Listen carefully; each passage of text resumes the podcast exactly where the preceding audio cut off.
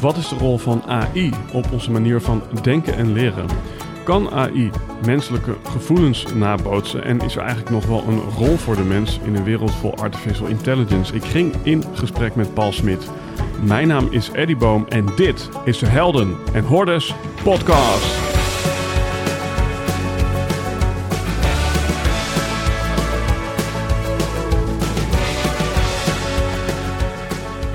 Alright, ladies and gentlemen, Paul Smit dus, filosoof en cabaretier en al een aantal keer in deze podcast geweest. Hij combineert humor en inhoud en haakt in op thema's als samenwerking, innovatie, beïnvloeding, verandering en werkgeluk.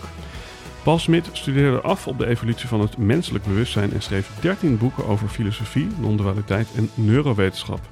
Hij werkt samen met neurowetenschapper Eike Sapora met betrekking tot het ondersteunen van hersenonderzoek aan de Universiteit Leiden en Dresden. En last but not least heeft hij samen met Patrick Kikke een van de langstlopende podcasts over de wereld die non-dualiteit heet, waar ik vervent luisteraar van ben, is lachen, gieren, brullen. Ladies and gentlemen, Paul Smit. Ehm, beste dames en heren, dit is de derde keer met Paul Smit. Yes. Uh, applausknop. Applaus. Uh, ik heb het allemaal niet. Oké. um, en de eerste keer hadden we het over non-dualiteit. De tweede mm. keer hadden we het over creativiteit. Dat is waar. Het was met uh, publiek erbij. Toen. Met publiek dat was erbij. Leuk. Ja. Dus dat was een van de eerste keer met het publiek. Want daarna is dat echt een heel concept geworden met... Tof. Met ook, ook, nog met Guido gedaan trouwens. Ja, ja, ja. Dus gingen we van non-dualiteit naar creativiteit. En dan zouden we nu iets nodig hebben wat ook eindigt op eit. Ja. Um, maar het is AI. AI-heid. AI-heid. Ja. Um, ja, dus ik wil het met je hebben over uh, artificial intelligence. En ik wil het ook met je hebben over een soort uh, woeker-coaching-achtige praktijken. Mm -hmm. um, dat laatste... Heerlijke thema's. dat fijn. Ja, omdat... Uh, nou ja, omdat ik het wel interessant vond om meer vanuit een soort wetenschappelijk oogpunt te kijken naar ja, mensen die bijvoorbeeld uh, zeggen, nou als jij nou geen zonnebrand opdoet, dan, uh, ja, dan voorkom je melanomen. Terwijl uh, dat ongeveer opposite is aan wat de dokter vertelt. Mm -hmm. um, dat is misschien hoofdstuk 2. Laten we even beginnen bij AI. Laten we het leuk houden. Ja, de AI die ons allemaal gaat doodmaken. Laten we daarmee beginnen. ja, want um, um, je hebt al een hele mooie aflevering opgenomen met Michel Vos over artificial intelligence. Ja. En het ding is een beetje dat we volgens mij hier vandaag in deze setting ja, het gaan hebben over AI versus coaching of AI versus ondernemerschap. En als je hem dan nog breder trekt, mm -hmm. AI versus uh, they took our jobs. Wat moet ik eigenlijk überhaupt nog voor werk gaan doen? Ja, dat is een goede. Um, ja, in, misschien is het een beetje een soort warming-up van... Jij bent ja, trainer, spreker... Nou, vooral uh, spreken. Heel soms training. Maar ik heb een Ja. hele, hele korte aandachtscurve. Dus ik geef wel eens een training van drie uur, maar dat, dat is voor mij eigenlijk max. Dan heb ik het al helemaal gehaald. Ja, dit gesprek, eh, dat halen we hierna door AI. Dan, Ja, dan wordt het samengevat. Ehm, maar de, de, vraag, de openingsvraag is misschien dan van... Hey, hoe eh, gebruik jij op dit moment AI als auteur en als spreker? Ehm, als spreker eh, zet ik het in, maar dan meer dat ik over de AI praat en ook eh, de mogelijkheden. En, en wat ik daarvan wel interessant vind, we hebben natuurlijk de ChatGPT. Nou, mensen in mijn omgeving springen er allemaal bovenop en denken, zo, dat is kicken. En dan sta ik eh, voor 500 accountants laatst en dan vraag ik, wie gebruikt er allemaal ChatGPT? Gaan er twee handen omhoog. En die mensen hebben allemaal zoiets van, ja, nee, maar wij doen zulk specialistisch werk. Wij, wij, wij zijn niet te vervangen. Nou, ik lach maar. maar goed. Eh, dus in, in mijn eh, show gebruik ik het in dat opzicht ehm, dat ik erover praat. Maar wat ik, als ik bijvoorbeeld filmpjes maak, ik moest nu voor RTL 4 eh, bijvoorbeeld een filmpje maken voor een, pro- een tv-programma. Ja, dan zet ik het met, met Photoshop eh, Beta bijvoorbeeld, waar die AI in zit. Het is ongelooflijk. Waar ik vroeger een week met zo'n filmpje bezig was, ik had in vijf en een half uur had ik hem af. Ja, En dus, maar dit is ook al de computerprogrammeurs die ik soms na afloop van een optreden spreek. Die zeggen, ik ben drie tot vier keer sneller. En, en, en maar ga ervan uit, het is nu nog een baby, dat hele AI ja, gebeuren. ja. Hè? Dus we staan helemaal aan het begin. Maar het levert mij enorm veel tijd op. Want ook als ik bijvoorbeeld... ehm, voor het programma vroegen ze ook of het wetenschappelijk bepaalde dingen kloppen. Nu weet ik wel redelijk wat, maar voor een dubbelcheck vraag ik het toch nog even aan ChatGPT. En dan vraag ik hem ook, weet je het zeker? Want soms zit hij zelf fout. En ja, het is wel verdomd makkelijk. Ja, en vooral die weet ik het zeker. Ja, die herken ik ook wel. Ja, die doe ik heel vaak. En dan zegt hij, oh nee, excuses. ik, ja, dus ja, dat is echt krankzinnig. Ja, het is krankzinnig, ja. Heb je het idee dat het jouw authenticiteit bevordert? Of heb je het idee dat het generieker wordt wat je uiteindelijk aflevert? Nou, ik ben met wat ik dus schrijf, uh, gebruik ik het alleen als inspiratie. Maar ik vind zelf dat ik veel leuker schrijf. Ik, ben, ik schrijf niet heel goed, maar wel leuk. um, dus, dus uiteindelijk schrijf ik het allemaal zelf. Want ik vind dat... Je kan hem natuurlijk wel vragen, schrijf in de stijl van Daniel Arends dit of dat. Hè. Dat kan hij al redelijk. En hij kan er ook wel wat meer emoties in gaan brengen. Maar ik vind het nog niet op, de, op het niveau van de leuke schrijfstijl. Dat is waarschijnlijk ja, volgend jaar al anders, maar um, op dit moment nog niet. Nee. Jij wel? Nou, ik gebruik het eigenlijk vooral bijvoorbeeld... Uh, nou ja, om, om een concreet voorbeeld te geven. Ik heb dan bijvoorbeeld een drieluikje op mijn website. En dat is dan converterende copy, ja. Uh, prominente positie. En dan weet ik, de laatste is bestaansrecht, maar dan mist er nog een woord voor. En dat moet dan à la Siske en Wiske dus ook met een B beginnen. Dus, ah, ja, en dan zegt hij, oh nou, buitengewoon bestaansrecht, weet je wel. Nou, nou dat soort dingen. Ja, ja. ja dus ik, um, laatst zei um, van de Stone, nee, van, hoe heet die band nou? Kom zo op. Maar die zanger die zei ook, uh, ik gebruik het, maar uh, meer om mij te laten inspireren om op iets nieuws te komen. Ja. Dus ik vind niet zozeer dat het direct de authenticiteit, dat gaat ook wel gebeuren, maar aantast. Maar ook dat het je juist net even dat ene duwtje geeft op creatief vlak. Ja, maar ik denk dus in die zin, en dan zitten we eigenlijk meteen nog wat dieper in. Ik, ik ben best wel in paniek geraakt, want ik ben voor de, ja, soort van... Aan de voorkant ben ik gewoon copywriter. Mensen noemen mij de slogankoning, dus ja. dat is eigenlijk een directe aanval op het vakgebied. Dat klopt, dat klopt. Alleen daardoor ben ik uit een soort angst, ben ik gewoon metafysisch diep in uh, ChatGPT gesprongen. Ja. En meteen alle abonnementen, dus ook Discord, Midjourney, weet je wel, gewoon de hele shebang. Ja. Allemaal vaktermen voor sommigen, maar... Ja. En toen ben ik dat eigenlijk meteen gaan inzetten bij mijn klanten. Dus in plaats van dat ik ze hielp met een slogan... Um, ja, weet je wel, dan hadden ze zo'n mooi drieluikje. Heb ik weer zo'n drieluikje. Ja, ja, ja. En was dat één, ja, één tekst was dan twee keer zo lang. Oh ja. ja. Maar, maar ik heb inmiddels net zoals Nico Dijkshoorn echt zo'n hoofd van... oh ja, een Instagram-post. Dan, dan weet mijn brein al gewoon precies tot het woord nauwkeurig van text limit reached. Dat weet mijn hoofd al. Dus, dus ik schrijf echt content op de lengte van het einddoel. Maar ja, dat, dat klinkt ideaal, maar dat is af en toe nog steeds heel veel werk. En in zo'n drieluik zeg ik dan gewoon... ja, maak, maak het derde kopje net zo lang als die andere twee. Weet je wel? Dat. Dat soort dingen. Ja. Ehm, en dan pas ik dat dus gewoon toe. Dus ik verstop dat ook niet voor mijn klanten. Maar wat ik dus wel merk, en dat is wel interessant, dat is eigenlijk het verschil tussen. Ik, ik, ik had er ook een leuk zinnetje van gemaakt. Van als je een, als je een tekst wil. ehm, als je een tekst wil die body heeft, dan Ja. moet je hem belichamen.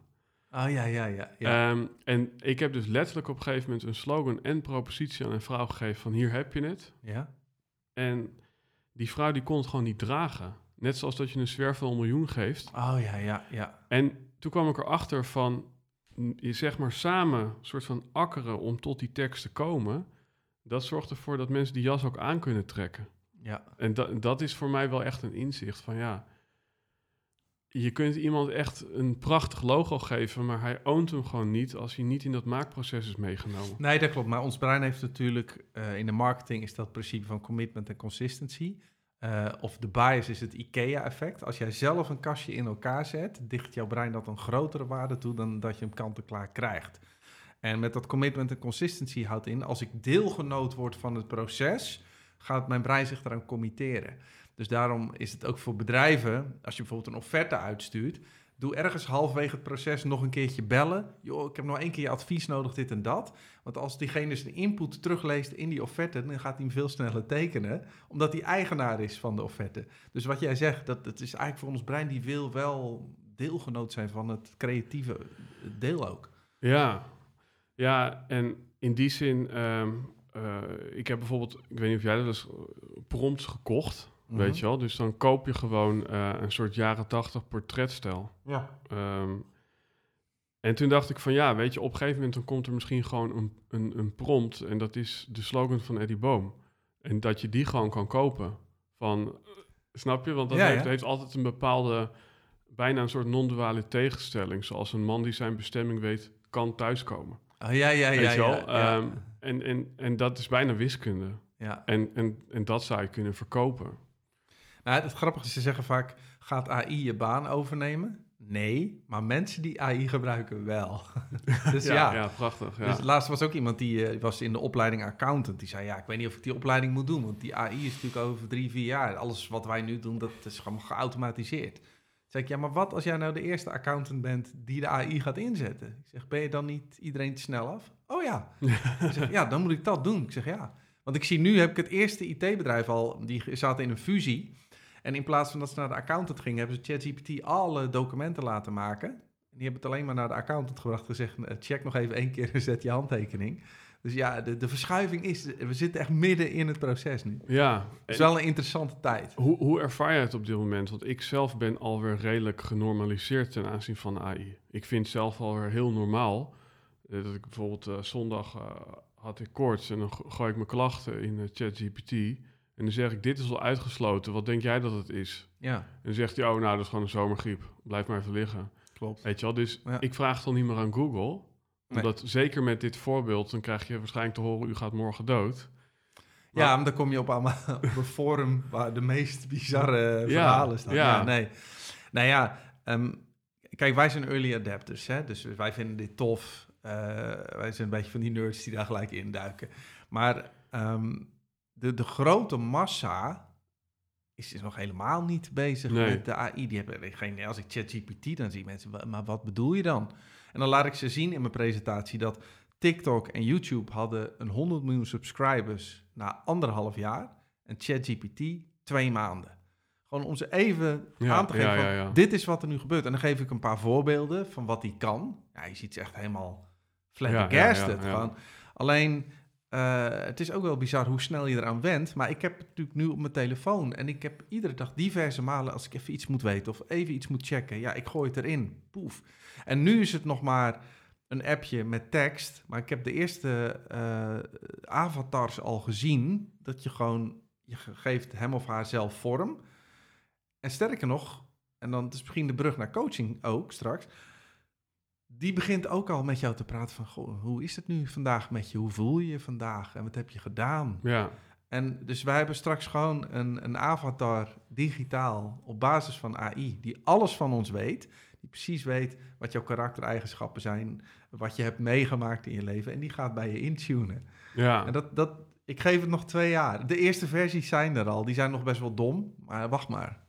Ja, want dat is best wel dom, dat zie ik nu ook wel. Als ik bijvoorbeeld met, met Journey een plaatje maak, Ja. dus ik heb dan een plaatje voor mijn app, dan zag ik gewoon het logo van de fotograaf er nog in staan, weet je wel. gewoon dat, Ja. gewoon dat, dat soort foutjes, weet je wel. Ja, Maar en, en, en daarin was ik aan het begin ook meer onder de indruk dan nu.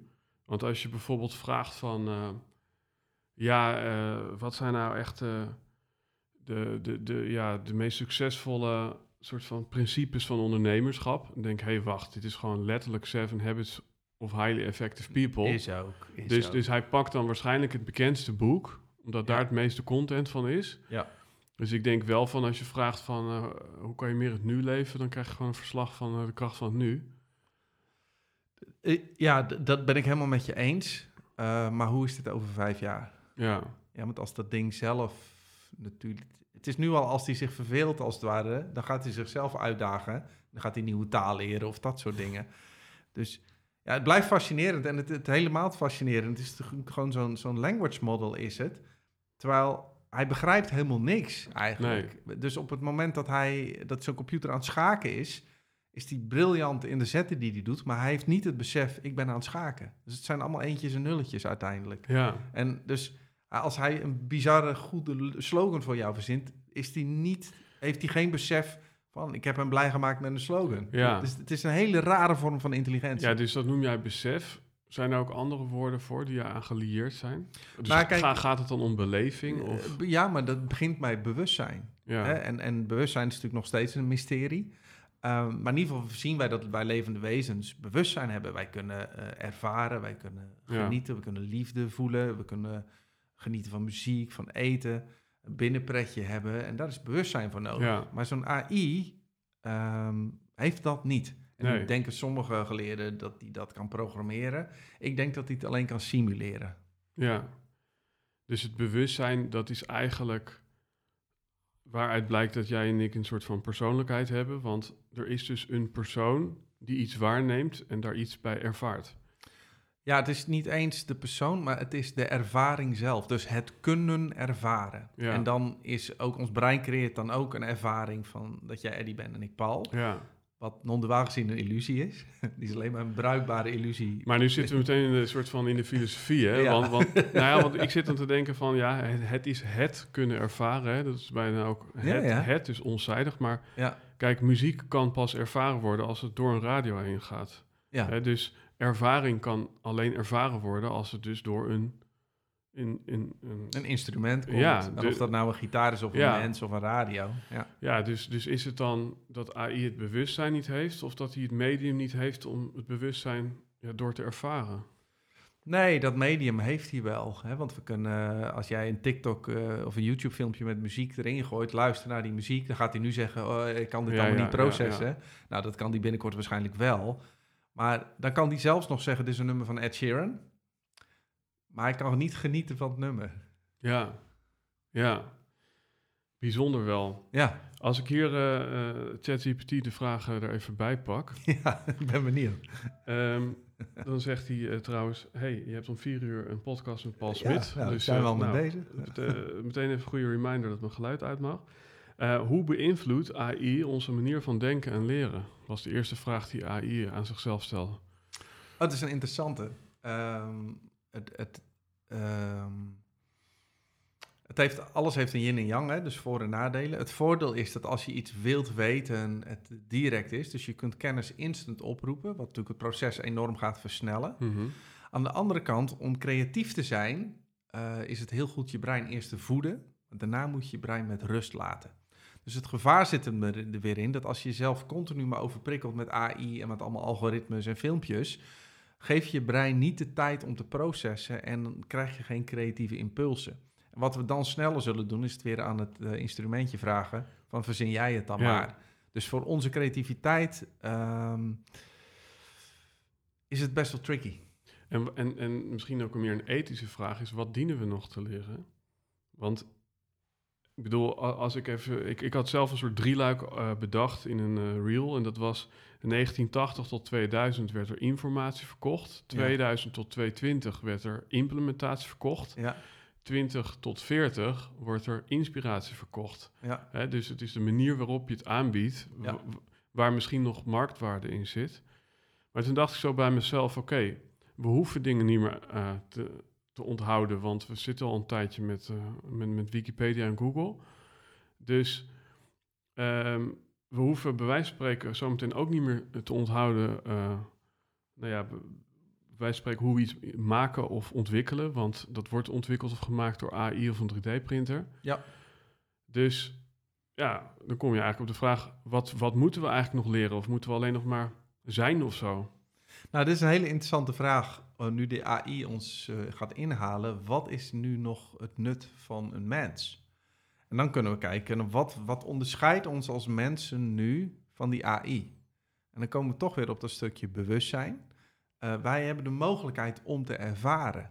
En natuurlijk gaat dat systeem op onze alle vlakken inhalen, maar het voelen van connectie met iemand of humor. Hij kan zelfs grappen maken, maar hij kan niet lachen. Hij weet niet wat het gevoel van lachen is. Ja, Dus de menselijke eigenschappen, maar ook de, de- het vertrouwen wat wij kunnen voelen en de verbinding die we voelen, dat blijft cruciaal. Plus wat je ziet, wij hebben een brein wat voor het grootste deel is ontwikkeld in de tijden dat wij jagers en verzamelaars waren. Dus ons brein voor de grootste programmering is dat wij leven in de natuur in groepen van ongeveer 150 mensen, waarmee we heel de dag interacteren. Ehm, we komen nu in een tijd waarbij we overspoeld worden met prikkels. Waarbij we eigenlijk allemaal in kubussen gaan wonen, heel eenzaam zijn en scrollen door het leven gaan. En dat, dat heet een mismatch. Dus, dus hoe wij in elkaar zitten van nature en hoe de samenleving nu is, daar zitten heel veel mismatches in. Waardoor mensen gestrest raken, burn-out raken, zich eenzaam voelen, zich Mhm. depressief voelen, et cetera.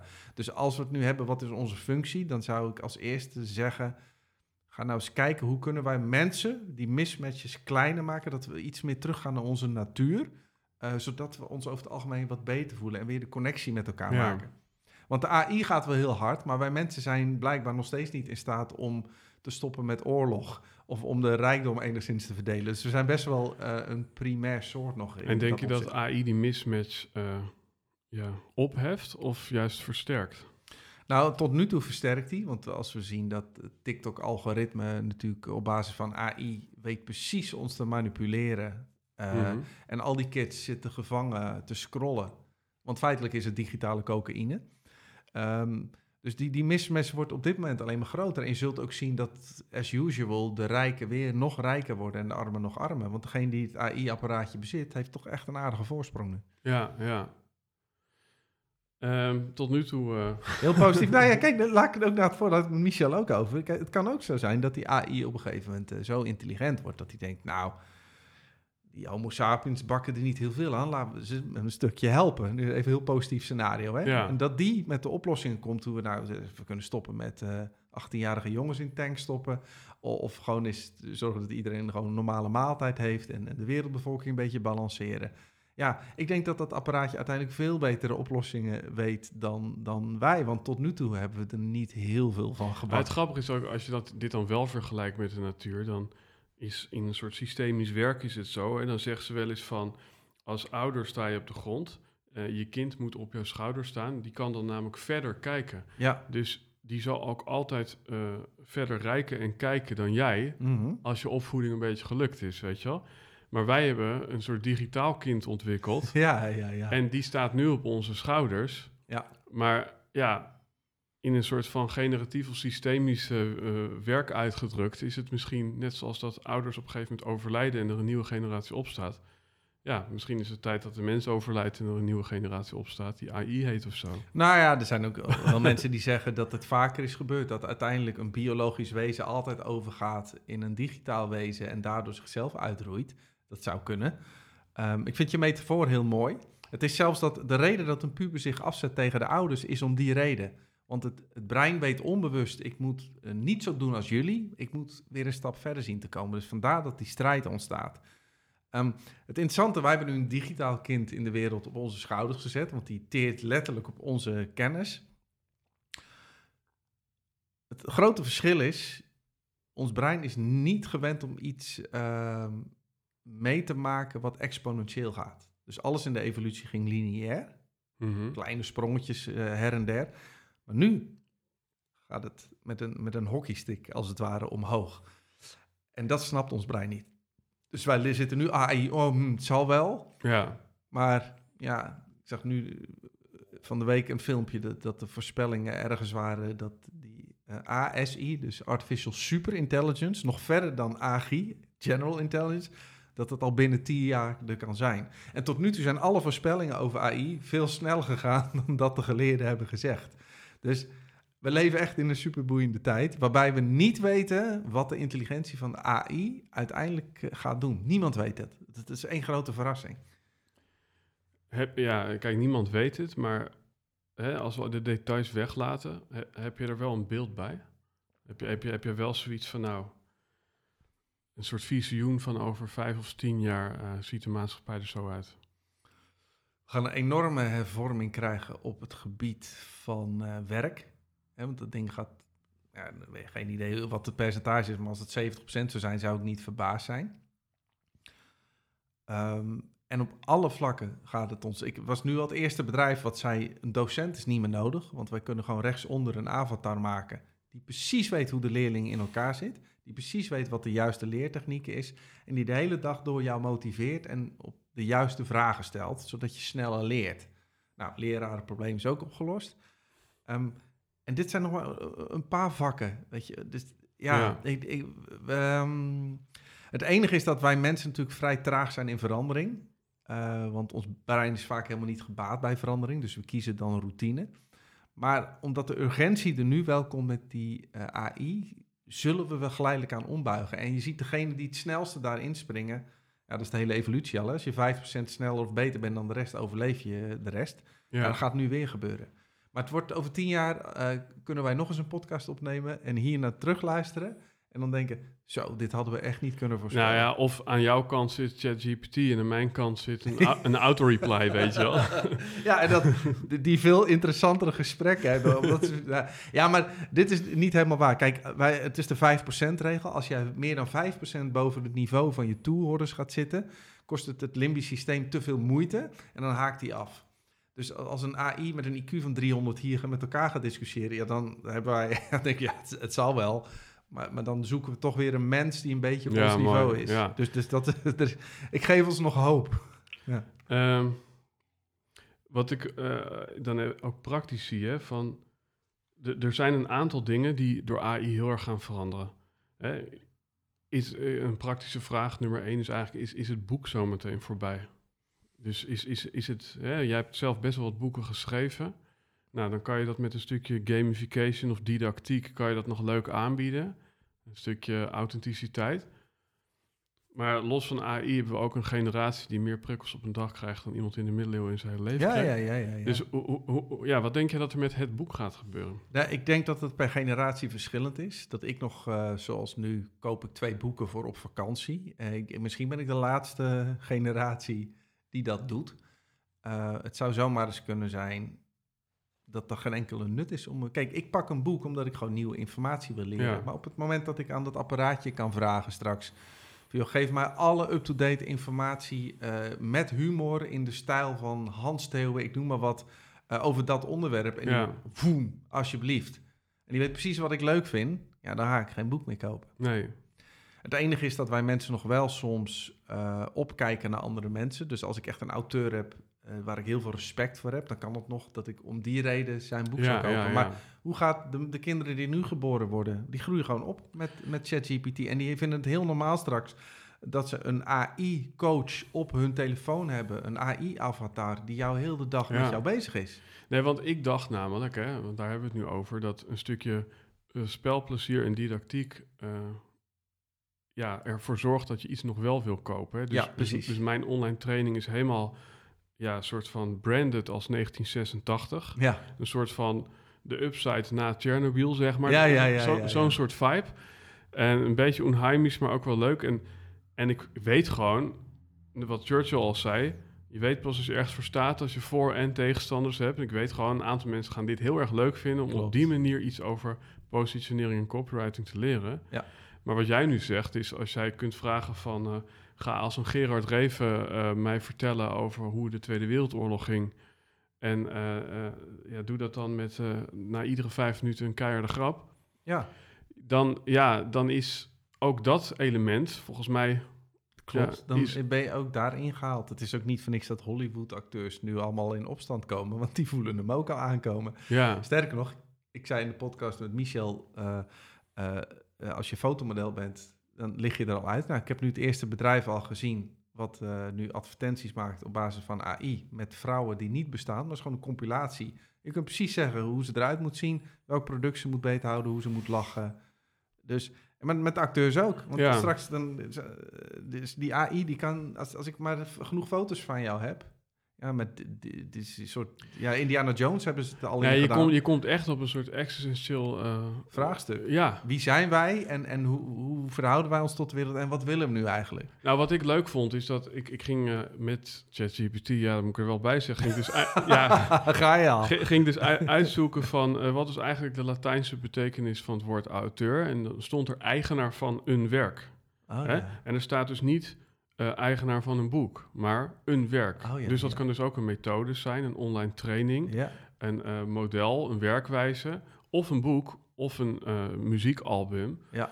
Maar het grappige is, als je dan soort van kijkt van, ja, auteur heeft iets te maken met authenticiteit. Maar een auteur wordt vaak ook gezien als een autoriteit. Dus Mhm. die woorden zijn heel erg aan elkaar gelieerd. Dat is jouw creatieve brein weer, hè? Ja, ja. Maar toen dacht ik zo bij mezelf van... ehm, hoe kijk je eigenlijk naar auteurschap ten aanzien van deze hele ontwikkeling? Van, Het is een hele oneerlijke ontwikkeling. Want wij hebben met z'n allen superveel data dat internet opgepompt. En maar ook heel veel creatieve dingen. Ook de muziek, ook alle kunstwerk, alle art. Eh, en wat die AI eigenlijk doet, is alles van ons jatten. Hè? Want wat jij zei, soms zit nog het copyright tekentje van, Ja, ja. van iemand erop. Ehm, maar er zijn nu natuurlijk best veel kunstenaars die een beetje in opstand komen. Want die zeggen, ja, eh, waar krijgen wij onze credits? Want het is hartstikke leuk dat de dingen van ons afjat. ja, ja, ja. En nu hebben ze bij Adobe het alweer zo gedaan dat al hun stokmateriaal was natuurlijk al afgekocht. ja. En, eh ah, dankjewel. Eh zodat ze zeggen, ah, niemand kan ons claimen. Maar ja, daar gaan ook issues mee komen. Want het is ook niet eerlijk. Als jij duizend van jouw slogans waar je je leven lang op hebt gewerkt, het internet opgooit en die AI denkt, zoef, dankjewel. Ja. En die geeft aan een ander bedrijf er 10.000 cadeau op basis van jouw input. En jij kunt nooit hard maken dat het daar vandaan komt, maar het komt daar wel vandaan. ja. Dus eh, dat auteursrecht, ja, ik ben benieuwd hoe ook straks de Buma Stemra en de Segna en zo hier nog mee omgaan. Want wat is nog van wie? Want als de AI iets maakt en ik ga dat vervolgens overal verkopen en iemand zegt, ja, maar ik kan precies hetzelfde ook door laten maken. Ja, wat is de meerwaarde van mijn bedrijf? Kan ik Mhm. nog ergens op stoelen? Eh, Nou, ik heb geloof ik wel gehoord dat ze een soort encryptie met bronvermelding tegenwoordig erin moeten stoppen. Dus als jij een foto genereert, dan moet in een soort zip-file zitten ja, hoe die is ont- ontstaan. Dus, dus wie er allemaal aan ten grondslag liggen. Maar Ja, maar ja, eh, het wordt straks zo complex. Is dat ooit toch te achterhalen? En als- nou ja, uiteindelijk kom je bij Adam en Eva uit of zo. Ja, weet toch? ja, maar ik kom bij God.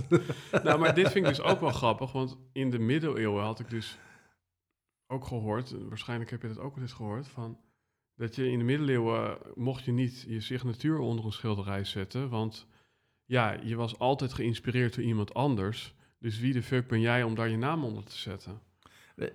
Ehm, ja, Beethoven zette ook zijn naam niet onder zijn stukken. Want hij zei, ik maak dit niet. Want als je eh, creatief bent, voel je ook dat jij het niet maakt. Maar als je in rust bent, krijg je het cadeau. Mhm. Hè, waar, waar het ook in je brein vandaan komt. Maar dat is altijd geïnspireerd ook op, door je voorgangers. Dus eh, auteursrecht is non-duaal gezien ook een beetje raar. Want je krijgt het als het ware cadeau. En daarna denkt dat ik je... Dus zet ik mijn handtekening eronder. Alleen bedrijfsmatig is het logisch dat we dat doen. Want ja, hoe kun jij ooit een bedrijf oprichten... als je je slogans niet mag crediten aan jezelf? Dus het heeft ook een functie. Ja, want ik vraag me af van, oké, bestaansrecht, dat is dus niet langer gelieerd aan iets wat je hebt gecreëerd. Hè? Want bestaansrecht is op een gegeven moment alleen nog maar dat je bestaat. Dat, dat was het misschien al, maar Nou ja, het, het wordt een heel interessante tijd. En waarom het ook interessant wordt, is... wij mensen hebben natuurlijk natuurlijke selectie. Dat in dat, dat, eh, nou, met mutaties eh, evolueren we steeds. Maar we hebben ook seksuele selectie, wat inhoudt... dat eh, we doen ook van alles om maar een beetje op te vallen voor... ja. Hè, dus wij willen eerst binnen die groep van 150 horen. Hè, dat- dat, heet getting eh, eh, along. En daarna getting ahead. Dan willen we binnen onze groep kijken of we iets hoger komen. Want dan heb je meer partnerkeuze. En dat is ook de reden dat we dansen of dat we eh, in de sportschool gaan hangen of make-up opdoen. Maar ook dat we podcast opnemen of creatief zijn of gitaar spelen of schilderen. Eh, en op het moment dat AI ons die speeltjes gaat afpakken, ja, dat is eigenlijk totaal onnatuurlijk voor de mens. ja, dus dan kom je ook inderdaad op een stukje zingeving. Kijk, even los van dit hele hoofdstuk, jij bent natuurlijk van origine van een non-dualiteit. Nou, daar hoor je al vaak over van, als je dat werkelijk gaat doorzien, dan kun je ook nihilistisch worden van, Ja, als alles gewoon gebeurt, waar slaat het dan allemaal nog op? ja dat is waar. Maar dat, dat was nog bekeken vanuit de non-dualiteit. Ja. Maar nu is het zelfs binnen de dualiteit dat we ook al kunnen zeggen, waar slaat het eigenlijk allemaal op? ja, ja, nee, ja, waar slaat het allemaal op? Ja. Als ik naar het debat in de Tweede Kamer kijk, heb ik dat standaard. Maar ja, mm, ik ben het met je eens. En ik denk dat we als... ehm, laat ik het zo zeggen, we zien ook dat de nieuwe generatie... ehm, voelt zich eenzamer dan ooit. Eh, heel veel depressie. Eh, jongeren voelen zich onzeker. En dat heeft allemaal te maken met stomme algoritmes. Dus, dus we zijn dingen aan het doen die niet bij ons Mhm. passen. En dat zit hem al in... Als jou in jouw club van 150 vergeleek jezelf met vijf, zes anderen van jouw categorie. Nu ga je Instagram op en je hebt echt de illusie dat iedereen een fantastisch leven heeft. Nou, dat maakt je al depressief. Dan ga je Twitter op, dan word je boos, want iedereen heeft een andere mening. Dus je gaat de hele wereld concurreren. En dan ga je TikTok op en, en krijg je digitale cocaïne. Want er wordt iedere keer, ha, kijk. Dus, weet je, ik zeg, ja. TikTok is altijd dat ik hier met jou zit... en jou een slagroomtaart toestop en een ijsje en een glaasje wijn. En, en dat, je, dat je denkt, ja, ik kan niet meer. Nee, nee, nog meer, nog meer. Dat is feitelijk wat het doet. Ja. Dus ja, hebben, we, hebben we het leven dan uitgespeeld of hebben we het leven eigenlijk totaal uit het oog verloren? Ehm, door die mismatch eh, zijn we een beetje uit de bocht gevlogen, denk ik. Eh, en ik denk uh, de, het antwoord ligt in eh, wat steeds meer mensen ook doen, back to basic. We, zien nu spulletjes maak je niet gelukkig. Eh, nog meer status, nog meer Instagram-volgers maakt je ook niet gelukkig. Wij mensen, wat, wat vervult ons? Twee belangrijke dingen zijn binnen je sociale hechte club vallen. Dus gewoon de verbinding met andere mensen, dat is echt cruciaal. Andere mensen helpen is ook cruciaal. En betekenis geven in iets van je leven. Dat je een betekenis Ja. hebt. Dat voegt ook. En dat was uit de, de, de oertijd, was dat super, dat waren de basic dingen. En nog steeds maakt ons dat het meest gelukkig. Alleen in plaats van op die dingen te focussen, wat kan ik bijdragen of kan ik creatief een betekenis hebben en kan ik de connectie met mensen aangaan, zitten we continu achter een PlayStation, we zitten Ja. porno te kijken, hamburgers te eten en te scrollen op een telefoon. Ja. Dus ik snap wel dat mensen depressiever worden. Ik, ik heb die rommel ook verwijderd, want ja, het is gewoon niet goed voor je. Maar als je het dus hebt over enerzijds eh, eh, menselijke verbinding en anderzijds betekenis, dan kan ik goed voorstellen dat die menselijke verbinding juist wordt vrijgespeeld door alle ontwikkelingen. Ja. Want, want je hoeft inderdaad nog maar 16 uur te werken in plaats van 40 zometeen. En eh, dat doen we niet, maar dat kan wel. Ja, Hè? Ja, dus dat betekent, oké, dan hebben we dus meer tijd voor dit soort dingen. Dus hè, menselijke verbinding. Maar ehm, dat stukje betekenis, dat leef je volgens mij wel in. Want het maakt echt werkelijk geen fuck meer uit of jij nog een taart bakt of dat jij nog een boek schrijft. Want eigenlijk alles wat, ja, wat nodig is om onder in die Maslow een beetje de boel te organiseren, dat wordt door AI gedaan. Ja, dus dit gaat een, een enorm effect hebben op de mens. En wij moeten de betekenis dan gaan zoeken in weer de connectie met elkaar. Hè? Van hoe kunnen we als mens nu... Ja, het, klinkt heel spiritueel, maar het is toch liefde voor wat je doet en de mensen om je heen... wat ons uiteindelijk in balans houdt. En ja, dit, dat, dat een ander apparaatje nu slimmer wordt, ja... Daar zullen we echt een weg in moeten vinden. Ja, en ik zit dan te denken van als je, eh, ik, weet je wel, als ik naar de dochter van mijn vriendin kijk, die bouwt dan echt een heel kasteel met eh, Duplo, Ja, weet je wel. En daarna dan eh, moeten ze een middagslaapje doen en dan wordt de hele boel gewoon uit elkaar getiefd en in een doos gegooid. En dan komt ze daarna de bed weer uit, dan gaat ze het kasteel weer bouwen, weet je wel.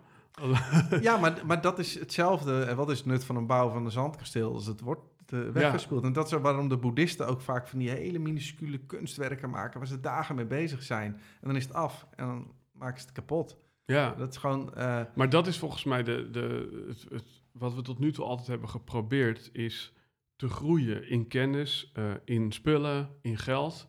Alleen dat blijkt zo meteen allemaal niet meer nodig te zijn. Komt misschien nog een baas in komen bovenop. ja, Eh, maar we moeten dus misschien wel weer terug naar het zandkasteel wat we telkens opnieuw gaan bouwen. Wat lastig wordt, want op het moment dat jij, eh, als, als je bij de dochter van je vriendin daar een iPad naast legt, met allemaal computerspelletjes die net wat meer dopamine geven dan de Duplo, dan is ze verslaafd aan de iPad. Ja, En dat is wat met veel kinderen gebeurt. Ik niet dat ik het in de opvoeding heel goed heb gedaan hoor. Ik ben, eh, ik moet denken aan dat filmpje van eh, Damon met die, eh, met die iPhone. ja precies, dat ik hem in elkaar sloeg. Link in bio. Dus ja. Ehm, heel veel ouders komen vaak naar me toe, ook na een optreden, als ik het over de dopamine heb verteld, wat het allemaal in je brein doet. En dan zeggen ze, ja, hoe moet ik hiermee omgaan? Heel veel docenten ook, weet je. Want ja, als, als jij... Het, is serieus wel, als ik hier met jou praat en er ligt hier een, een, een lijntje kook, weet je wel? Of, Mhm. of iets wat totaal eh, niet te weerstaan is. Ja, die ga, dat ga je doen. Dus ik heb ook mezelf beschermd en gewoon TikTok gedelete. Want ik, en ik had vandaag, was iemand een airco aan het installeren. En die zei, ik leg mijn telefoon s'avonds in een, eh, een kistje. En daar zit een viercijferige code op. En dan, ik weet die code wel, maar iedere keer dat ik die impuls Ja, ja. voel... denk ik, ah, dan moet ik die klote code weer doen. En, en dat is echt heel slim. We moeten onszelf echt in bescherming gaan nemen. Uh, en, en mensen doen dat al. Als ik alcoholisten begeleid, zeg ik: heb geen alcohol in huis. Want, Mhm. want je denkt rationeel dat je die verleiding kan weerstaan, maar dat is gewoon Nee, niet zo. ja, dus je dat moet op voorhand jezelf in bescherming nemen. Ik heb een focusbox. En dat is dus zonder viercijferige code. Maar daar stel je gewoon een tijd op in. Mm, En die ligt hier op de gang. top. En dat is dus echt heel lijp. Want je kunt dus alleen eh, hem kapot gooien eigenlijk. Dat is, Oh ja. dat, dat is echt gewoon het enige wat je je... hebt een tien. Nou, nee, ja, nee, en als de batterij op is, dan heb je echt een probleem, want dan gaat hij dus niet meer open. Maar dan is er nog een kabeltje en dan kan je hem open doen met het stopcontactkabeltje. Oké. Eh, ook weer link in bio. nee, ja, ik zit te denken, dit is echt een ideaal ding. Dat klopt. Ehm, je moet wel eh, daarvoor eventjes hem op vliegtuigstand zetten, want Oh, sommige ja. mensen die gaan dan bellen en dan gaat die hele focusbox trillend de tafel af. Ja, shit. Maar, ehm, Maar het klinkt heel stom, maar dit, dit zijn wel de... eh, ik heb nu ook, wilde mijn vriendin en ik eh, eh, twee kilootjes afvallen. Moet je ook samen doen, heb je veel meer kans. Maar heb geen chips in huis 's avonds. Want Ja. als het er is, s'avonds wordt je neocortex moe, die kan niet meer remmen. En je limbisch systeem, je, dus wat plezier wil ervaren, die gaat gewoon die la openen. En ja. Dat is net als met de telefoon. Dus ik, ik, doe, ja, ik probeer steeds meer dit soort dingen in te bouwen. En ja, je voelt jezelf na een paar dagen al. Hè, dan komt je dopamine baseline weer in balans. En je voelt het leven weer voller. Je, je hebt energie. Ehm, want op het moment dat je zelf systematisch overprikkelt... dan komt je dopamine baseline... dopamine geeft motivatie, die komt steeds lager. Wat inhoudt, als jij de vaatwasser moet inruimen... of moet stofzuigen of je huiswerk moet maken... ja, je denkt als ik kom er niet meer aan toe. En dus je gaat je motivatie voor dingen verliezen... en je begint het normale dagelijkse leven als saai te ervaren. ja. En heel veel jongeren hebben dit, hè. Gewoon eh, twee minuutjes op iets wachten, saai. School, saai.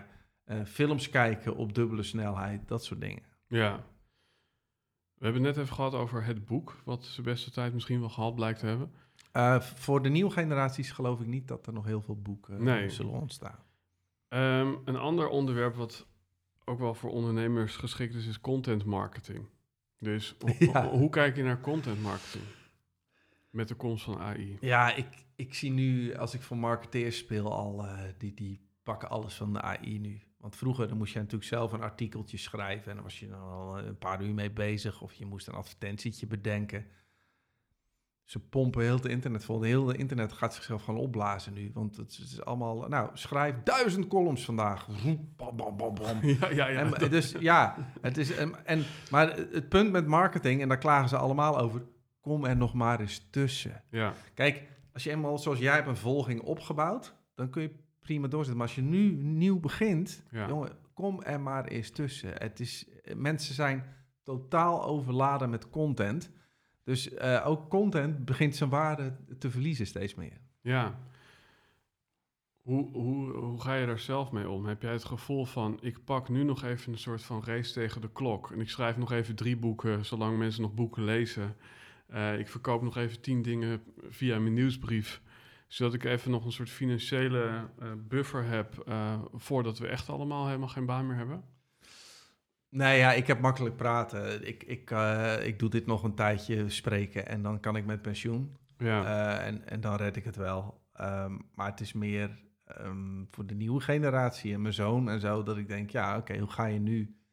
Die is daar ook mee bezig, weet je wel. Van, van oké, wat, wat ga ik nu nog leren? Of, of wat, welke beweging ga ik maken met alles Ja. wat er aankomt? Want hij is best wel bewust van eh, alle movements die er zijn. En, ja, ik weet de antwoorden ook niet, maar dit wordt wel echt het vraagstuk voor de komende tien jaar. ik heb een eh, best wel tijdje geleden alweer, ik denk echt al zes of zeven jaar geleden, een filmpje van Elon Musk gezien over ja, eigenlijk de veranderende wereld. En dat ging onder andere over dus inderdaad van eh, bezitten, gebruik maken van. Ja, ja, ja. ja. Ehm, ja. Maar dat ging dus ook over abonnementen in plaats van aanschaffen. Ehm, en dat ging dus ook over eh, steeds meer banen die zouden komen eh, te vervallen. En dan hadden we het nog niet eens over AI. En daar heb ik toen zelf een keer een filmpje over gemaakt. Oké. En toen kwam ik op een gegeven moment tot de conclusie... volgens mij komt iedereen gewoon in het communicatievak. Want Ja. ja, ja want ik bedoel, eh, je kan met je handen in je zakken geld verdienen. Ja. Ehm, als je al geld nodig hebt met het basisinkomen en alles wat je al binnenharkt. Ja. Wat is jouw visie erop? Wat, wat, wat is het beroep van de toekomst? Ehm, alles wat die AI niet kan, dus eh, als je in de zorg werkt en je moet mensen werkelijk behandelen, ehm, dus echt de fysieke dingen of een huis bouwen, ja, die AI gaat daarin ook natuurlijk allemaal weer machientjes uitvinden en zo, maar eh, als je loodgieter bent en je als meer zit, gaat een AI nog, eh, nog niet. Misschien komt er weer een robotje die door het riool gaat, dus je kan van alles verzinnen, maar echt de fysieke beroepen zijn misschien wel heel, heel waardevol voorlopig nog. En alles wat repeterend is qua informatie. En dat geldt ook voor advocaten, notaris, accountant, noem maar op. Belastingadviseurs. Ja, die, let op. Want, want nu heb jij nog dankzij jouw kennis dat jij iemand kunt adviseren. Maar als je straks links en rechts wordt ingehaald door een apparaatje wat een IQ heeft van 300 en veel meer data kan processen dan jouw brein. Ja, dus, dus die banen, alles wat repeterend is, dat maakt de En dat is, eigenlijk, dat is eigenlijk best wel gek als je het zo zegt. Hè? Want in de tijd van de industrialisatie dachten we allemaal... ja, eh, machines die nemen eh, het, het werk over wat met de handen gedaan moet worden. Eh, en daarom was hoog opgeleid direct geassocieerd met Ja. vooral intellectuele beroepen. Klopt. Maar het is nu eigenlijk bijna andersom. Want volgens mij als loodgieter dan kan je meer verdienen dan eh, als afgestudeerde advocaat zometeen. Nou, de man die net mijn airco heeft geïnstalleerd, kan maar dus zoveel meer gaan verdienen dan advocaat. Omdat dat gewoon eh, de schaarste op is. En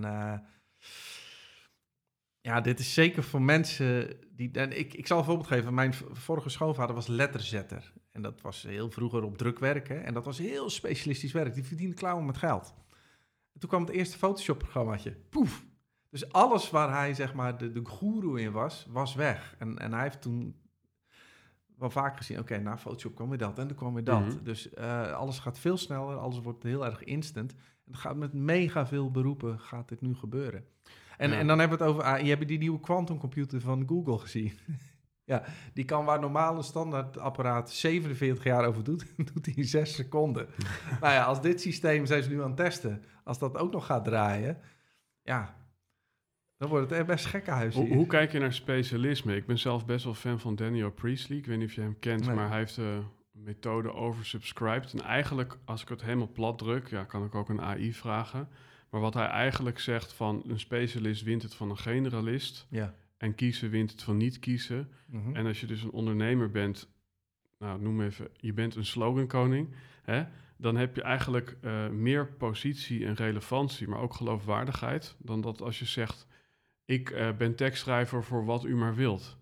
Hè? Ja, ja, ja, Ja. Nee, maar het is zelfs zo, als tandpasta eh, schone tanden geeft, is dat een betere tandpasta in ons brein dan een tandpasta die schone tanden geeft en het ook nog wit maakt. Dus Ja, alles mooi. wat... wat ik, vandaag had ik, had ik twee Mooi jongens voorbeeld. aan de telefoon, die waren een nieuw bedrijfje aan het oprichten. En beginnersfout 1A, 17 trainingen aanbieden. Met het idee, dat is heel veel, dat is heel goed. Ik zeg, ho, ho, ho, gewoon één ding. Ik zeg, ik wil met, met één zin weten wie je bent, wat je doet. En, en dat is waar het brein eh, op aanhaakt. Dus Ja. dat, dat specialisme, dat is vanuit ons brein gezien veel makkelijker. Want als ik weet dat jij de slogankoning bent en iemand zegt, ja, ik moet eh, voor mijn bedrijf dit of dat, dan roep ik gelijk jouw naam. Ja, En als je denkt, ik heb spreker over neurowetenschap, dan roep je mijn naam. ja, Maar ik moet niet 16 trainingen geven waarbij Nee. je denkt, ja, hij doet ook iets met dit. Want dan denken wij dus dat je minder competent bent. Ja, kijk, Steve Jobs zei natuurlijk al one slide, eh, one mes- message. Dus, Ja. dus Ja. en eh, ja, en, en Einstein zei, if you can't explain it simply, you don't understand it well enough. Dat echt zo is, ja. En dan heb je Blaise Pascal en die zei... hierbij schrijf ik u een lange brief, want ik had geen tijd voor een korte. Die vind ik ook altijd Die was mooi. heel goed. Ja, ja, ja, nee, maar dat is echt, ja. Maar, maar oké, dus hier zijn we het over eens. En dit blijkt ook dus te werken op het vlak van marketing, positionering. Ja. Maar dus eigenlijk waarschijnlijk ook op het vlak van gedachtegoedleider. Want als jij dus inderdaad alleen nog maar gevraagd wordt over neurowetenschap te praten... dan word je waarschijnlijk ook super begaafd in dat onderdeel. Want je hebt natuurlijk telkens opnieuw ge- gepraat over dat onderwerp. En dan Ja. Alleen, ehm, hoe kijk je dan nu vanaf hier eh, naar een specialist zijn ten aanzien van een AI? Want waarschijnlijk is de beste specialist nog minder specialistisch dan AI. Ja, dit, is echt, dit wordt echt een hoopvol podcast. We gaan niet naar gaan we ecstasy verkopen aan iedereen voor een goed Ja. gevoel. Ext AI. nee, even voordat we heel depressief zijn. Ik denk dat die AI, die kan ook heel veel... Het zal wel weer yin-yang zijn, as usual. Gaat ook heel veel positieve dingen brengen. Maar inderdaad, wat betreft het specialisme... Ja, je bent echt supergoed in iets. Maar ja, bijvoorbeeld één specialisme, dat was het uh, restaureren van foto's. Dus iemand had bijvoorbeeld een oude familiefoto waar een deel was afgescheurd. Nou, er waren mensen ook op Fiverr die dan dagenlang met pixeltjes gingen ze maken. En nu in Photoshop AI, je selecteert het, poef, drie seconden. Ja, dus dat vak is in één keer weg. En dit gaat met heel veel vakken gebeuren. Dus in dat opzicht is heel erg specialist zijn, kan ook tricky zijn. Want als het apparaatje net iets slim... Maar ja, dat geldt voor jou ook. Als het apparaatje net iets betere slogans verzint in drie seconden. En daarom zeg ik, als je in jouw vakgebied nu de AI kunt gebruiken, dan heb je de voorsprong. Dus het biedt heel veel kansen voor ondernemers. Alleen ik zie heel veel ondernemers, ik snap dat ook weer vanuit het brein, want we zijn dol op routine en bespaart energie en veranderen vinden we allemaal maar niks. Maar op het moment dat je nu wel uh, daarin springt, ja, ik, de, de wereld ligt voor je open. Ja, dus dan word je eigenlijk als specialist een hyperspecialist, omdat je een paar VA's hebt uh, waar je u tegen zegt. Ja, en de komende vijf jaar heel veel, heel veel bedrijven nog helemaal niet door wat Midjourney en Runway en zo allemaal kunnen. Dus op het moment dat je het inzet, uh, ja, je bent, bent tien keer sneller, je levert allemaal goed werk af. En kan hun het schelen of jij het met een AI, eh, met behulp van AI hebt gemaakt, als het eindresultaat maar goed is. Ja, en waarschijnlijk hè, is dus jij plus AI ja. Uh, als een soort super thought leader, hè, want dat kan je dan worden. Dat is waarschijnlijk ook na drie jaar bekeken, of niet? oh ja, ging nou, positief fout. Nee, nu, nu is het nog vooral het brein plus AI geeft over het algemeen de beste uitkomst. Want ons brein heeft toch wel een hele unieke vorm van creativiteit. En wij hebben bewustzijn. Wij kunnen ook nog eens uitzoomen en de betekenis aan iets onze leden en kijken, klopt dit wel? Uh, dus in dat opzicht blijft ons brein, omdat wij veel beter abstract kunnen denken, op, op bepaalde gebieden zijn wij totaal onmisbaar. Dat blijft. Maar op heel veel andere vlakken ja, gaat het apparaatje het gewoon sneller en beter doen. Ja, ik vraag me ook af wat er gebeurt met. Uh, dit heb ik namelijk ook aan de AI uh, gevraagd. Ja. Ik zou, kun je voorbeelden noemen van dingen die ja, ja, op een bizarre wijze de tand des tijds hebben overleefd? En toen kwam je dus met uh, vinyl, want het is niet alleen nog steeds in trek, maar het is zelfs duurder geworden. Ja, ja, ja. ja, ja. Uh, uh, en de Rolex, want die is niet alleen ja, minder gebruiksvriendelijk, maar ook minder accuraat dan de Apple Smartwatch. Mm -hmm. Maar wel ongeveer 10 tot 100 keer zo duur, weet je wel. Ja, ja. En toen kwam je dus ook nog met de Leica fototoestellen. Ja, ja, ja. En, um, en toen dacht ik van ja, het zou dus ook misschien kunnen betekenen dat als jij. Want ik, we, hebben het er nu eigenlijk over van ik plus AI. Nou, dat is gewoon hoge relevantie in de markt. Maar wat nou als je net zoals die vinyl gewoon een middelvinger opsteekt naar Spotify.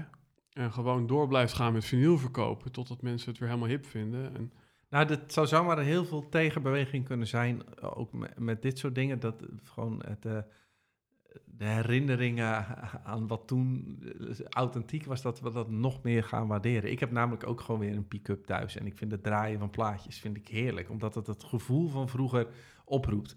Nu moet ik wel zeggen, nu hebben we het over wij. Want de, de, dochter van jouw vriendin groeit niet op met al die conditionering en herinneringen. Dus voor haar geldt misschien hele andere wetten straks. Ja. Maar ik denk wel dat er ook qua, als je een businessplan wil, dat daar heel veel uh, mogelijkheden in liggen. Ja. Geloof jij dat er uh, uh, de, dat er een soort principes zijn die de tand destijds altijd overleven, die nooit gaan veranderen binnen het ondernemerschap? Of geloof jij, weet je wel, want ik bedoel, net zoals klassieke muziek, ja, dat heeft gewoon al, ja, al, al, honderden jaren overleefd. Ja.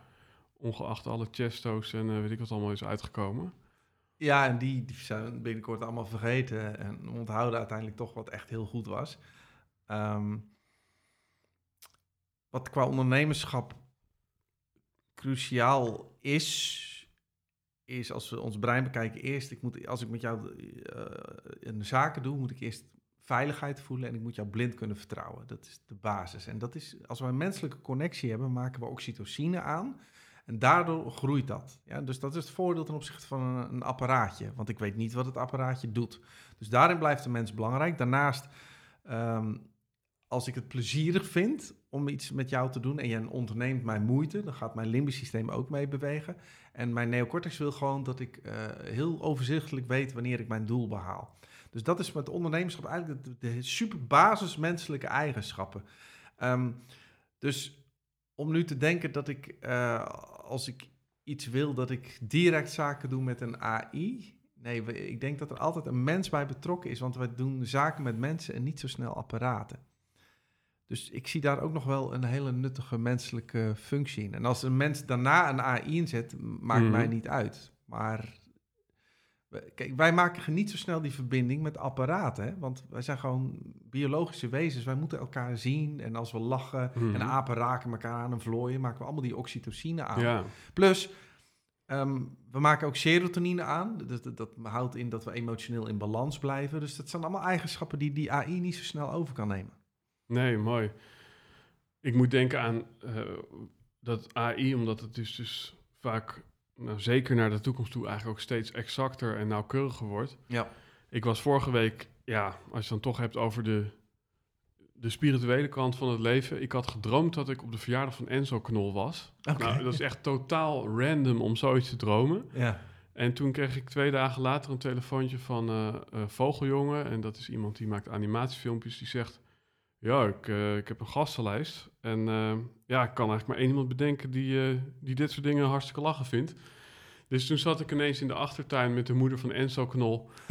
samen met Joel Beukers en een paar andere gasten met, met miljoenen en allemaal Lambo's en Porsches. En toen zat ik zo in de tuin en toen dacht ik zo van...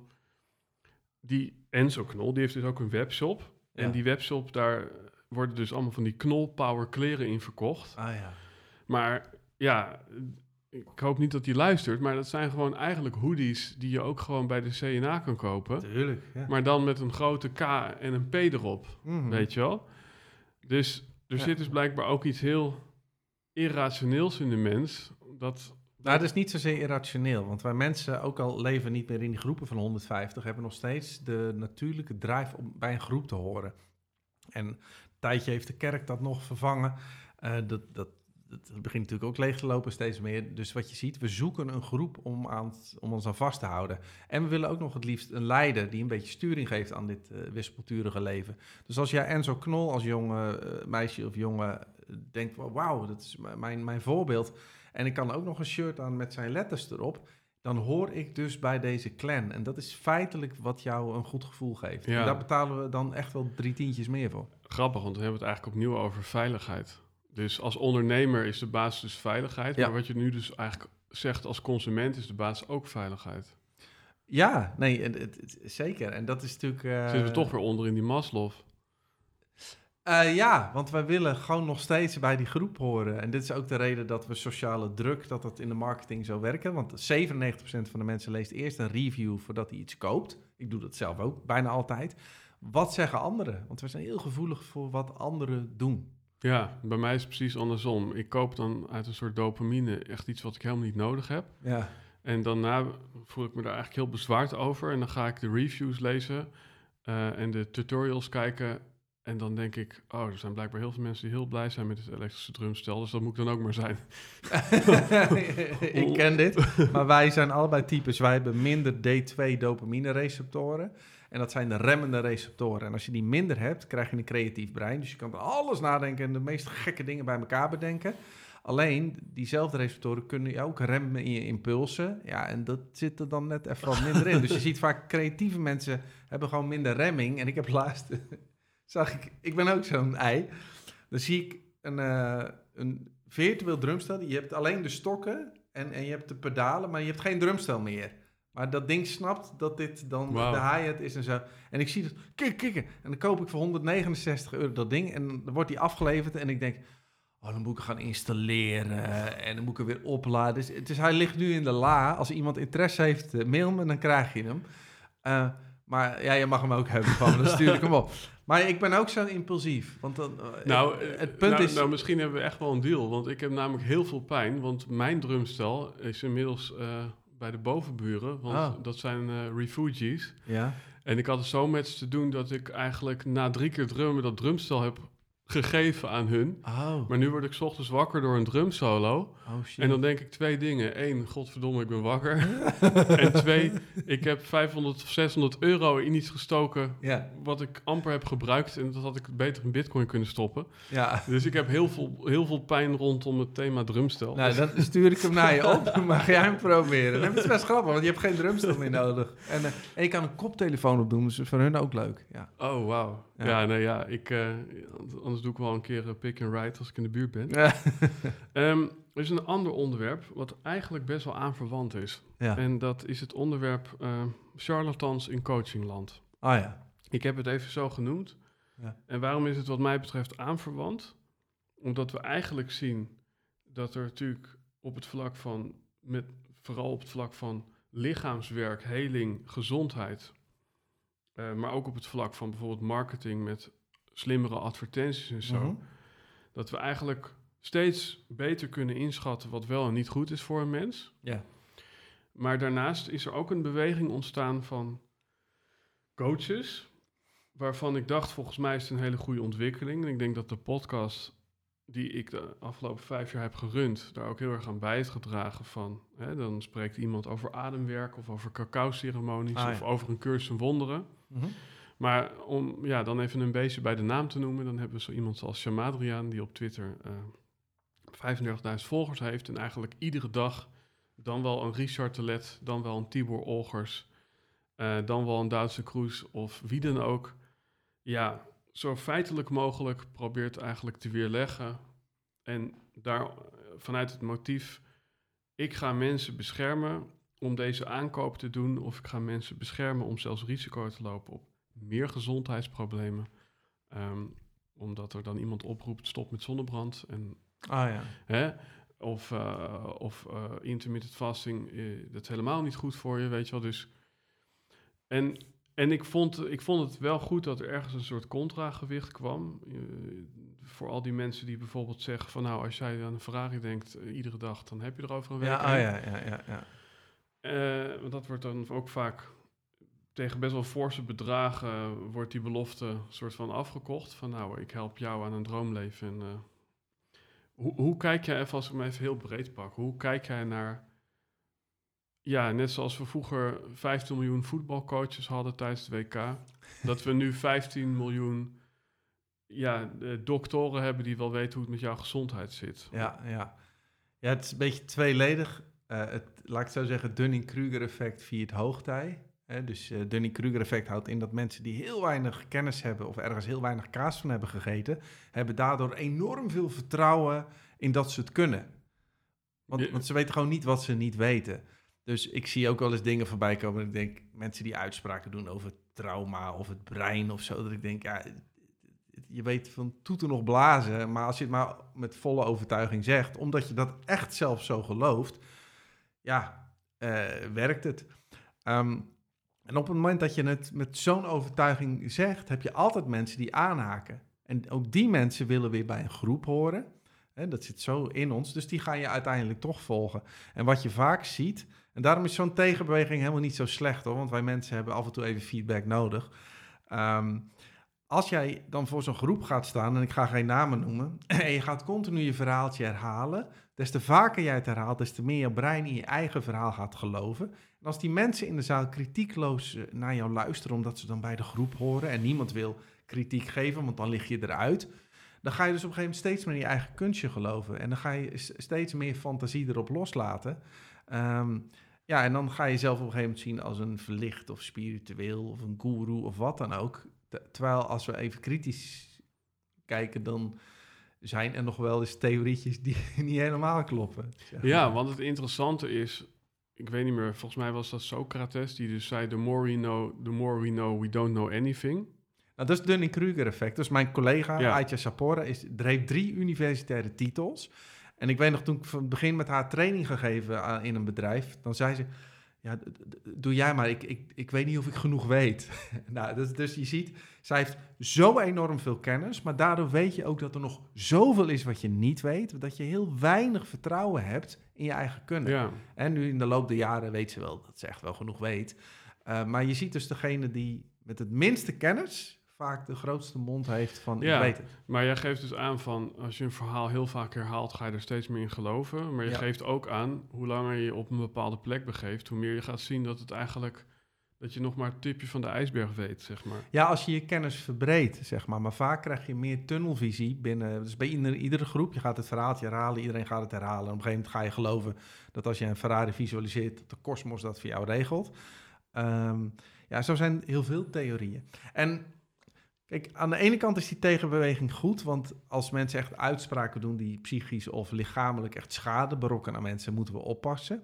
Aan de andere kant Weet je, als een meisje van 22 zich life coach noemt, eh, of een een man van 24 heeft een burn-out gehad en is nu burn-out coach, ik vind het allemaal prima.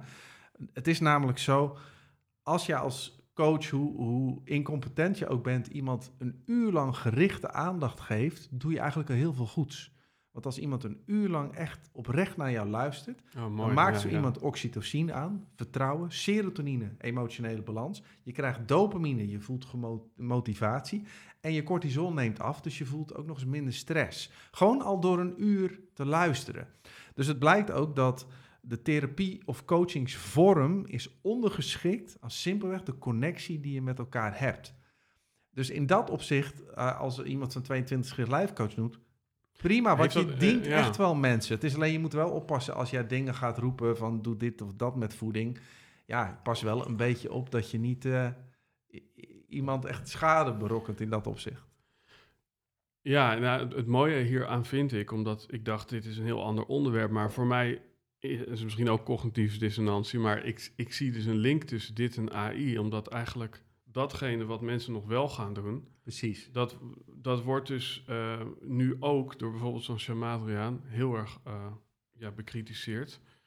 Dus heel veel dingen zijn niet meer nodig. Wat we wel gaan doen, daarvan zegt iedereen eigenlijk... joh, het is eh, pseudo-wetenschappelijke prietpraat en uh, tieven eind op, zeg maar. Dus hoe... Nee, het is, het is ehm, natuurlijk, ik zie ook dingen voorbij komen dat ik denk, oké, dit, niet dat wetenschap altijd de waarheid is, maar dit, hier sla de plank lekker mis. Maar dan nog, het, dat mensen even naar Ja, zo'n groep ja. gaan, het groepsgevoel hebben, zich gehoord voelen en in deze knettergekke wereld even een rustmomentje pakken. Ja, ik heb er niet zoveel problemen mee. Nee, ja, ik vind het ook wel een mooie visie erop. In hoeverre speelt de, de bias nog een rol? Dus dat jij eh, een soort, nou, bijna een soort placebo-effect. Dus omdat jij gelooft in die 22-jarige life coach. Enorm. Hè, Het is zelfs antidepressiva is voor 50% placebo, 25% doordat de serotonine langer blijft hangen en 25% is onbekend. Ja, Maar ze hebben ook een proef gedaan. Ze vroeg aan artsen, arts is meestal druk. Dus die zegt, eh, je hebt dit of dat, nou eh, neem even die pillen en die zijn na een minuut weer weg. Dan hebben ze bij wijze van proef gezegd, ga nou eens drie kwartier met zo'n patiënt even een gesprek voeren. En hoe voelt iemand zich? Ja. En, en, nou, dat hebben ze gedaan. En 62% verbetering is er van hoe die mensen zich daarna voelen. ja mooi. Dus, dus, dus alleen al de aandacht geven zorgt al voor 62% eh, improvement, als het ware. Eh, dus dan blijkt ook, en daarom is het in therapie ook, je vorm maakt niet eens zoveel uit. Het feit dat we even begrip en respect Ja, hebben voor elkaar, dat doet eigenlijk al wonderen. Dus placebo is daarin. Kijk, en als jij werkelijk gelooft dat iemand van 22 eh, jou gaat helpen in je business. Als jouw brein het gelooft, gaat hij er ook naar handelen. Dus Ja, het- Ja, in dat ja, opzicht werkt het ook. Nu gaan er ook heel veel mensen failliet naar Tony Robbins. Eh, dat zien we dan niet. Maar dat is toch ook loesje, of je nou denkt dat je het kunt of niet, je hebt altijd gelijk. Nou, ik zeg altijd, als jij het gelooft, is het voor jou. Ah, Ja, ja, dat is dan jouw, jouw visie. En eh, ja. ja, dus we kunnen dan eigenlijk zeggen van, want waar zo'n Shamadriaan, ik noem hem even, omdat er zijn er wel meer, maar hè, je had vroeger ook zo'n pagina onpersoonlijke groei op Dat was Instagram. hilarisch. Weet Ja, je, dat ja. Guido stuurde dat door. En ik dacht dat het acteurs waren. Want het was echt te grappig. En toen zei Guido, nee, dat, dat die zijn echt. nou, dan ben ik nog eens langs gegaan. Ik zeg, nou, ik kon het gewoon niet geloven. Maar ja, het, ja, je, ja.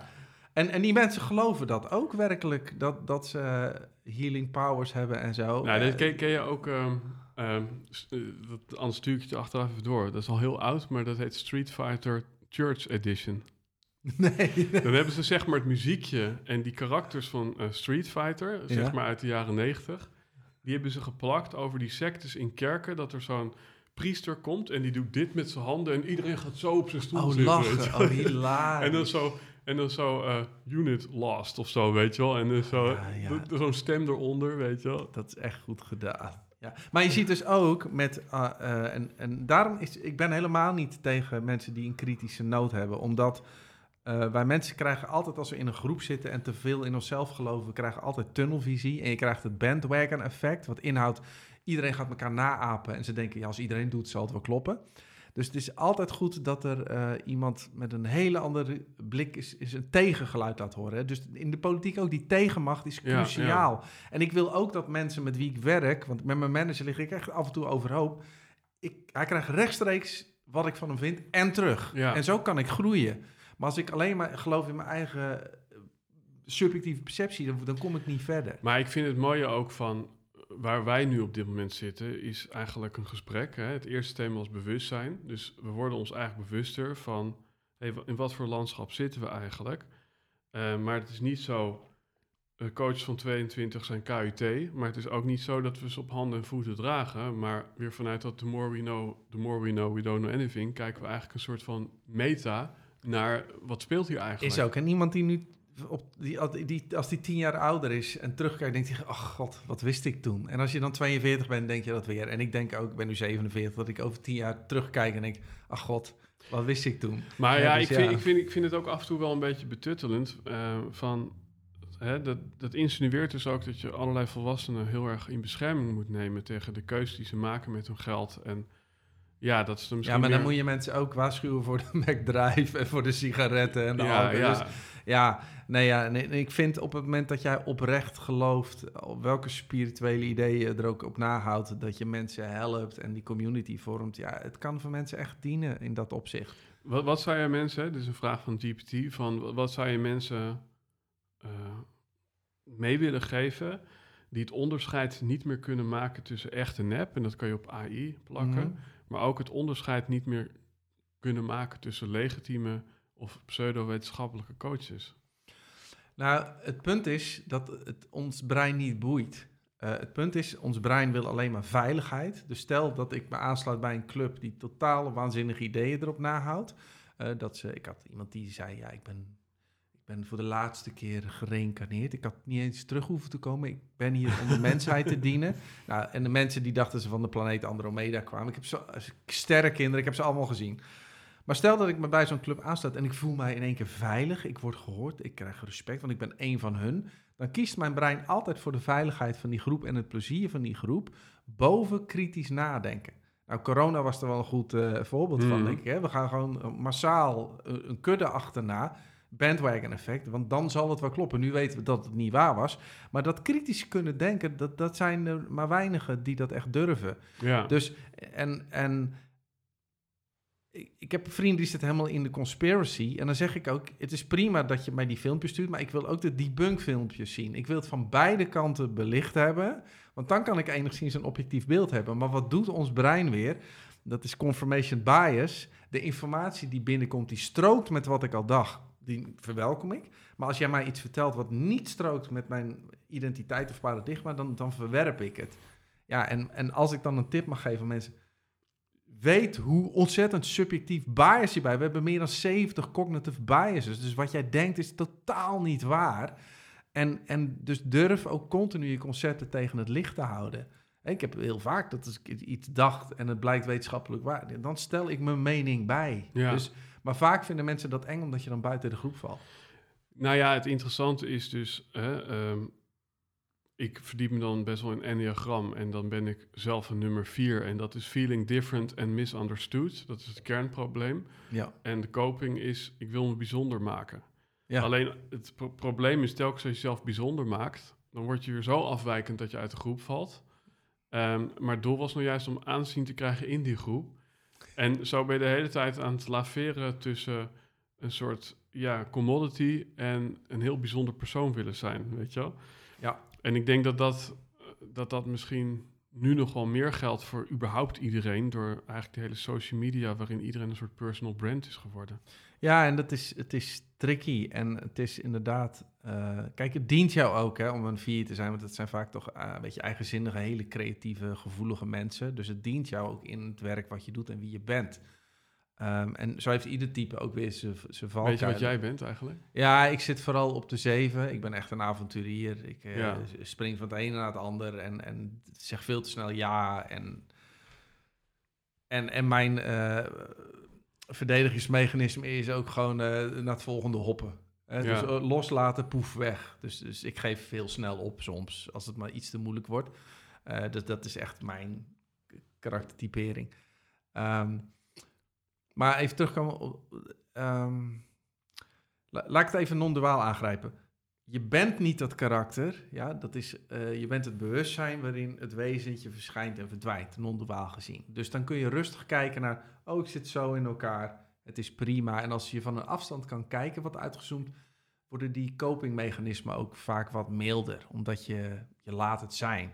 En hetzelfde geldt voor de personal branding nu. Als je werkelijk gelooft dat je je Facebook-volgers of Instagram-volgers bent, dat is super fragiel, want dan ga je continu je identiteit eh, ontlenen aan de likes en, en de volgers die je hebt. Maar ook dat, het is allemaal maar een grapje. Neem jezelf niet serieus. Alleen doordat we ons in deze tijd zo identificeren door al die social media, eh, raken we ook weer depressief. Want er is altijd wel iemand die knapper, sneller en intelligenter is. Eh, en je gaat je continu met anderen vergelijken. Maar het grappige is, jullie zijn, en dan bedoel ik jou en Patrick eigenlijk, ja, misschien wel de eerste lichting non-dualiteit eh, naar de mensen brengen in Nederland. Hè, ik bedoel, daarvoor was er misschien al, en ook Ja, er waren natuurlijk wel Alexander Smit en Wolter Keerst en zo. Dus het, er waren wel een paar, maar dat die al hielden hele kleine bijeenkomstjes. En wij waren natuurlijk... Ja, hij was radiomaker en ik was comedian. ja, En wij gingen over zo'n super vaag abstract filosofisch concept uit India op de radio bij Veronica praten. Ja, dat was best wel gek, ja. Ja, maar het grappige is eigenlijk dat de wereld eigenlijk dualistischer geworden lijkt te zijn. Ook dat is misschien een, een interpretatie.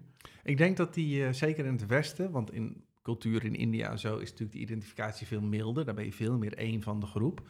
Maar hier viert het hoogtij. En dat is niet voor niks dat, dat heel veel eh, jongeren zich depressief voelen.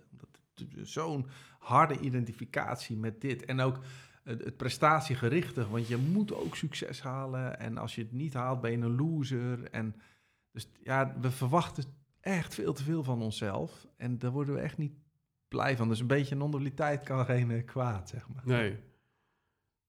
Hoe, eh, als, als we dit even iets praktischer maken, van hoe belichamen we eigenlijk die non-dualiteit in een wereld waarin het, ja, die, die, die steeds uiterlijker lijkt te worden?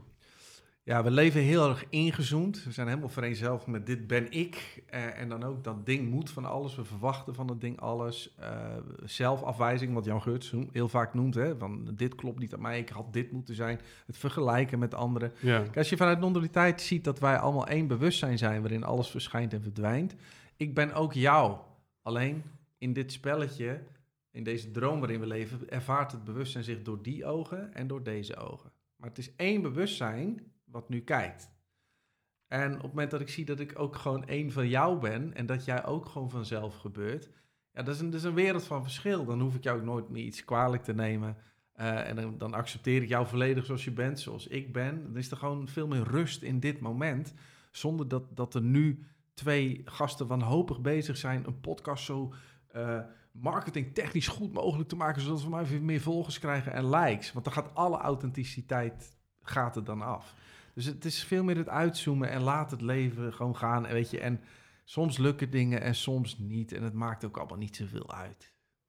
nee, ja, en ehm, ik kijk even op de klok, hè, en we zouden zo nog echt eh, een gesprek van dezelfde lengte Je kaart had maar een uur en drie kwartier. Daarom, Pas op, daarom. crasht die. Alles verloren. Ja, dan, dan wordt het echt een PK-productie. Ja. Dat, eh, moeten we niet, eh, dat moeten we niet hebben. Ik weet niet of Patrick, eh Patrick Kikker meekijkt. Ehm, ja, wat, wat zou je als laatste voor deze aflevering aan, aan mensen willen meegeven... die of vanuit angst een soort van... ja, heel hard proberen te werken om als ondernemer of coach te overleven... Ja, eh, dan wel aan mensen die een soort zingevingsprobleem ervaren door alle ontwikkeling.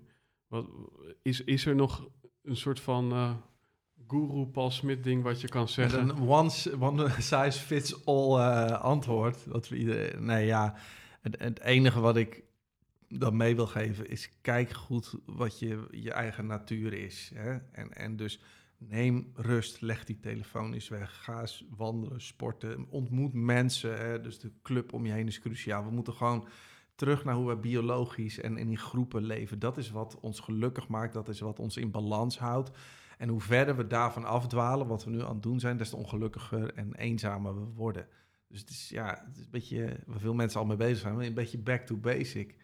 Dus hè, ik heb TikTok eraf, ik ga iedere dag een uur wandelen, ik ontmoet vrienden vaker. Dus, dus gewoon nu met jou zo'n uur maakt al zoveel dingen aan. Ik voel me vanavond gewoon heel gelukkig, Ja. eh, eh, zonder dat mijn dopamine-systeem verstoord raakte. Dat ik, eh, weet ik veel, wat voor instant satisfaction heb gedaan. Nou, het paradoxale is dat we eigenlijk toch weer door een stukje technologie hadden we een motief om samen te komen. Dus Nee, kijk, ik ben eh, absoluut niet tegen technologie. Ik zeg alleen, laten we het inzetten op een manier dat wij mensen bij onze natuur blijven en die tech- technologie dingen overneemt wat niet bij ons past. Dus heel veel eh, KUT-werk achter de lopende band, laat dat ding dat doen, want zo zijn wij helemaal niet geprogrammeerd om Nee. om mensen om daar heel ongelukkig achter een band te staan. Dus op heel veel vlakken gaat het ons heel veel brengen. En we hebben natuurlijk ook wel gekeken naar de gevaren, maar ik denk het gaat ons ook heel veel opleveren, die AI.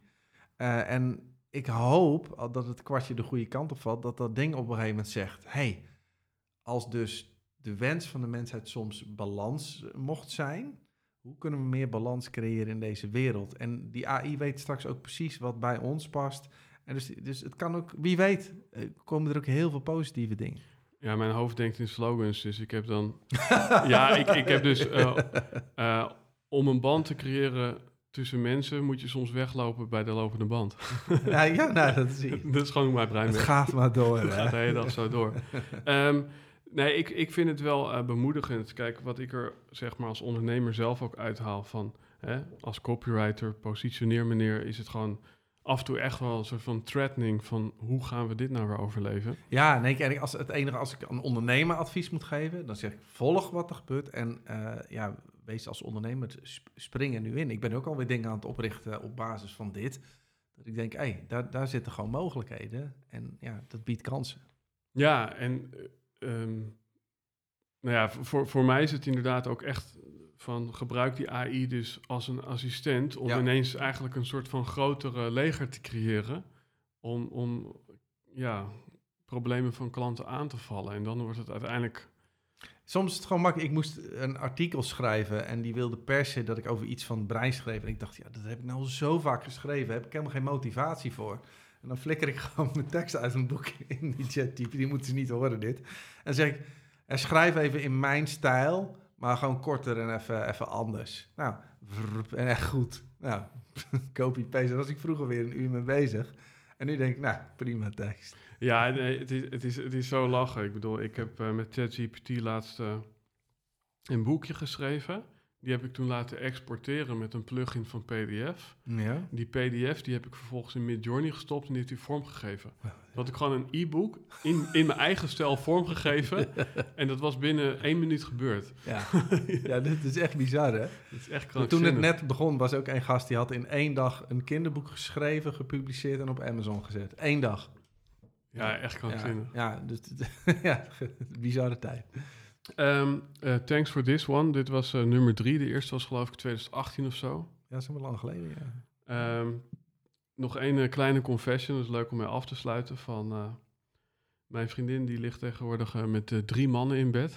Oh, vertel. Nou, we hebben op een gegeven moment ontdekt van... als je het dan toch hebt over die menselijke verbinding... ja. ik vind het dan leuk om te leren masseren en zo. Weet je, ik heb Oh, ook ja. die rare olie en zo. Dus Oh ja. ik masseer haar dan. Ja. Maar zij is een soort van inhoudsgedreven, hoog intellectueel. Oh ja.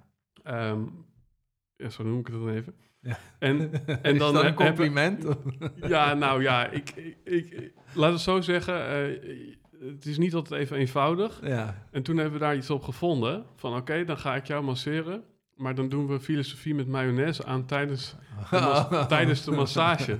Grappig. Dus, dus ja, het is gewoon echt gewoon ja, al heel vaak op die manier gegaan. Dat, een soort van kaarsje aan. Nou, eh, Paul in de linkerhoek, Patrick in de rechterhoek. Oh, wat grappig. En, en eh, ja, dat is gewoon, ik vond dat gewoon heel grappig. Dus ik, toen ik ook tegen mijn vriendin zei van ja, we moesten luisteren. Ik zit hier Nou, doe de groeten dan. Ja. Leuk. Dus eh, Ehm, voor de luisteraar, als je over deze aflevering wil meepraten, hashtag Helden en op alle kanalen. Vergeet ook zeker niet Paul Smit even te volgen, ook al heeft hij al te veel volgers in zijn eigen woorden. Ja, zat. En het maakt me toch niet gelukkig. Het boeit me niet. Ehm, we gaan ook nog een paar reels over deze aflevering delen op eh, onder andere Instagram en TikTok. Voor alle mensen die taart Oh ja. in hun gezicht willen aan dopamine. Ja.